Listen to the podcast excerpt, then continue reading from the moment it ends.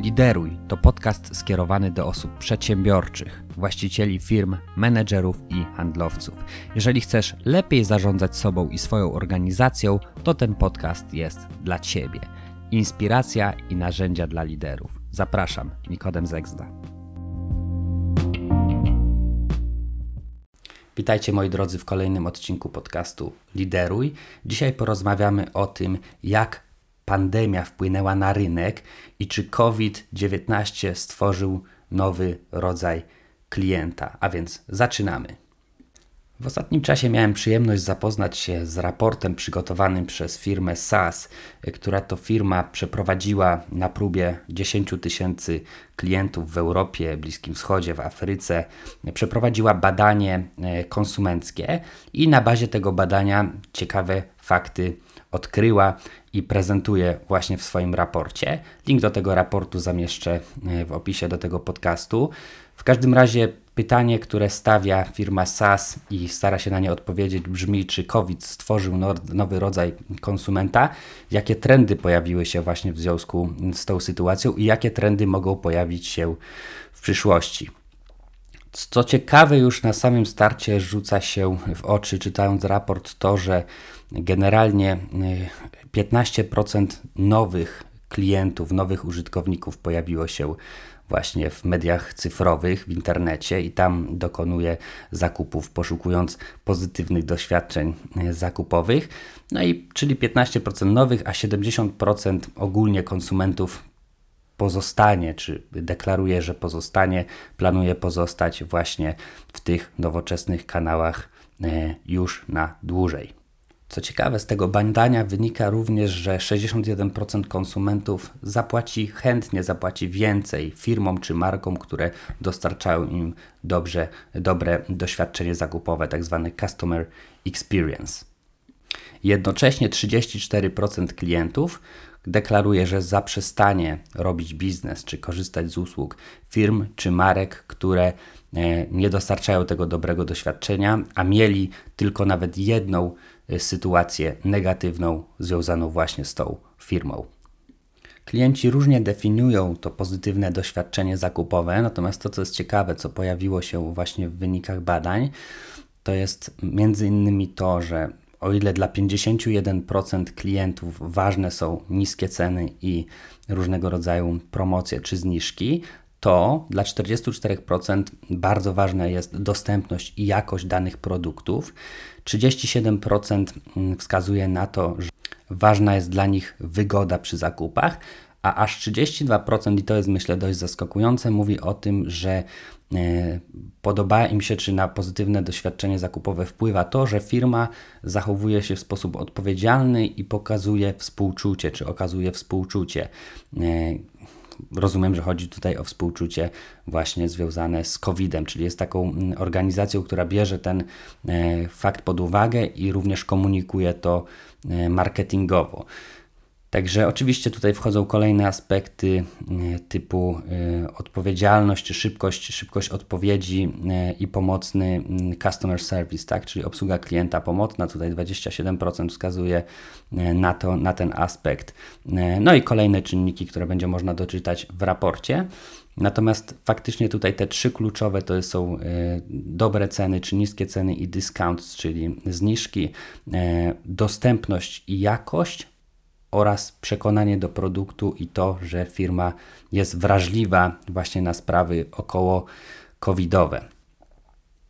Ciekawe są również informacje o tym, jak poszczególne branże działają w internecie, albo inaczej, w jaki sposób klienci, czy jaki procent klientów korzysta z rozwiązań właśnie e, internetowych czy elektronicznych w kontekście właśnie usług i produktów danych, danego sektora. Jeśli chodzi o na przykład banki i usługi finansowe, to 57% klientów jest e, w internecie, czy korzystała do tej pory właśnie z bankowości czy usług finansowych e, przez internet, ale co ciekawe, przez COVID pojawiło się aż 14% nowych użytkowników, czyli jest to znaczący wzrost. Właśnie dużo ludzi przesiadło się w cudzysłowie z bankowości tradycyjnej na bankowość czy finanse internetowe. E, jeśli chodzi o edukację, to ciekawe, z 20% istniejących właśnie klientów, którzy korzystali właśnie z edukacji e, internetowej, doszło kolejne 17, czyli prawie podwoiła się e, ilość konsumentów właśnie, którzy korzystają z edukacji w formie internetowej czy e-learningowej. No i tutaj też w tym raporcie są rozbite bardzo mocno różnego rodzaju branże i pokazane, jak w poszczególnych branżach to się, to się wydarzyło i zasadniczo we wszystkich jest kilkunastoprocentowy przyrost, nawet w branżach takich jak opieka medyczna.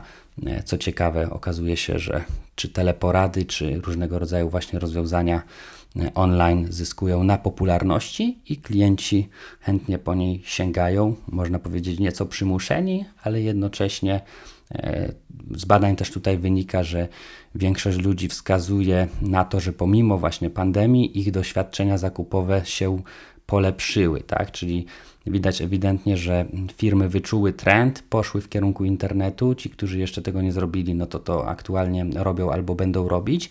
No i widać, że tutaj bardzo mocno e, się, że tak powiem, zaczyna mm, dziać i też tutaj przynosi się w dużej mierze konkurencja.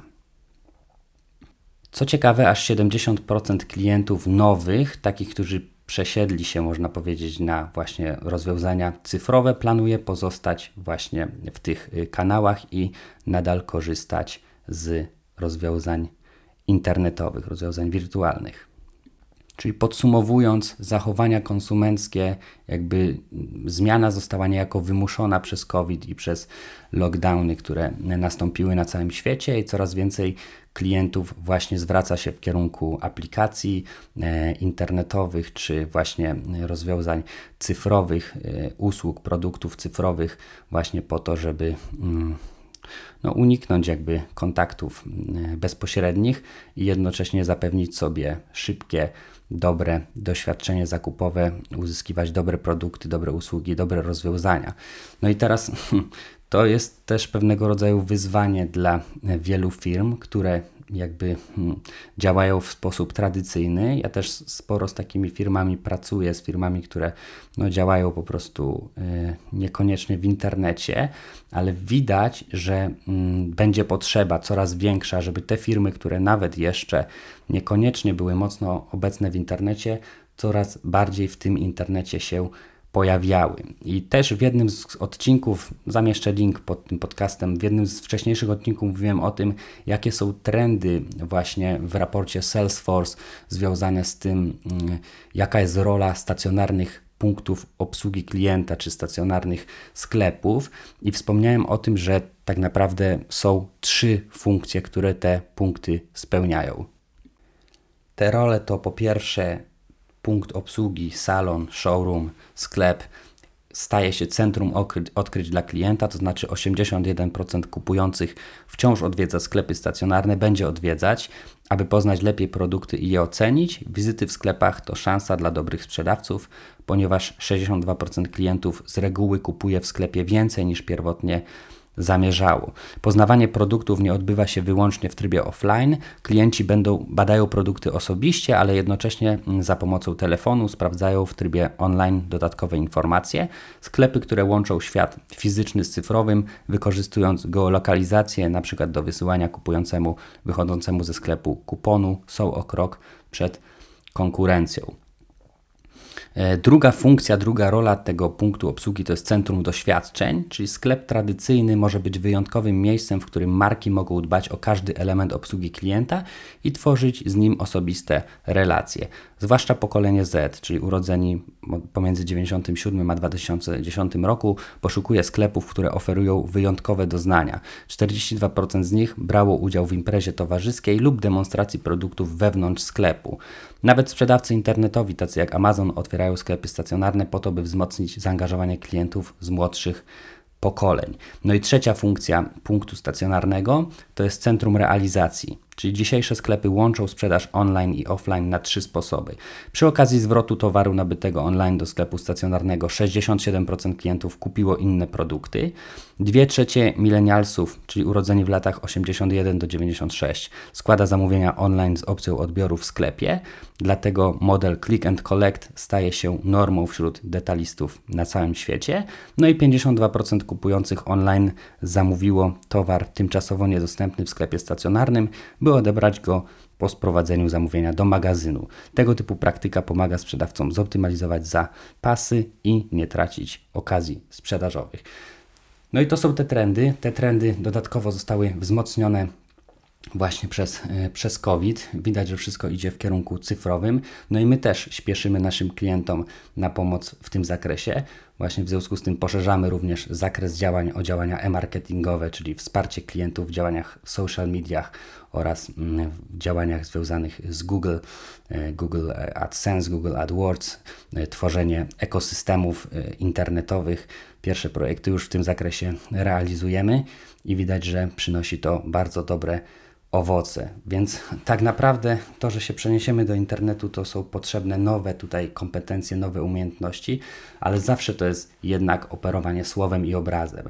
Mm, dlatego w najbliższym czasie też przygotujemy specjalny webinar o tym właśnie, jak odpowiednio operując słowem i obrazem mm, przekonywać lepiej klientów do zakupu, więc bądźcie czujni i e, obserwujcie nasz profil lideru i mój profil Nikodem Zegzda. Tam będę komunikował właśnie te, te wydarzenia. Także to by było na tyle, moi drodzy. Nie obudźmy się z ręką w nocniku.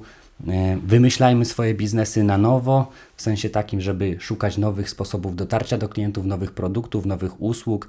To jest taki moment, w którym niektórzy są trochę do tego przymuszeni przez lockdowny, a niektórzy mogą wykorzystać po prostu tę szansę do tego, żeby się rozwinąć. Także tego Wam życzę i do usłyszenia w kolejnych odcinkach podcastu. Trzymajcie się, cześć.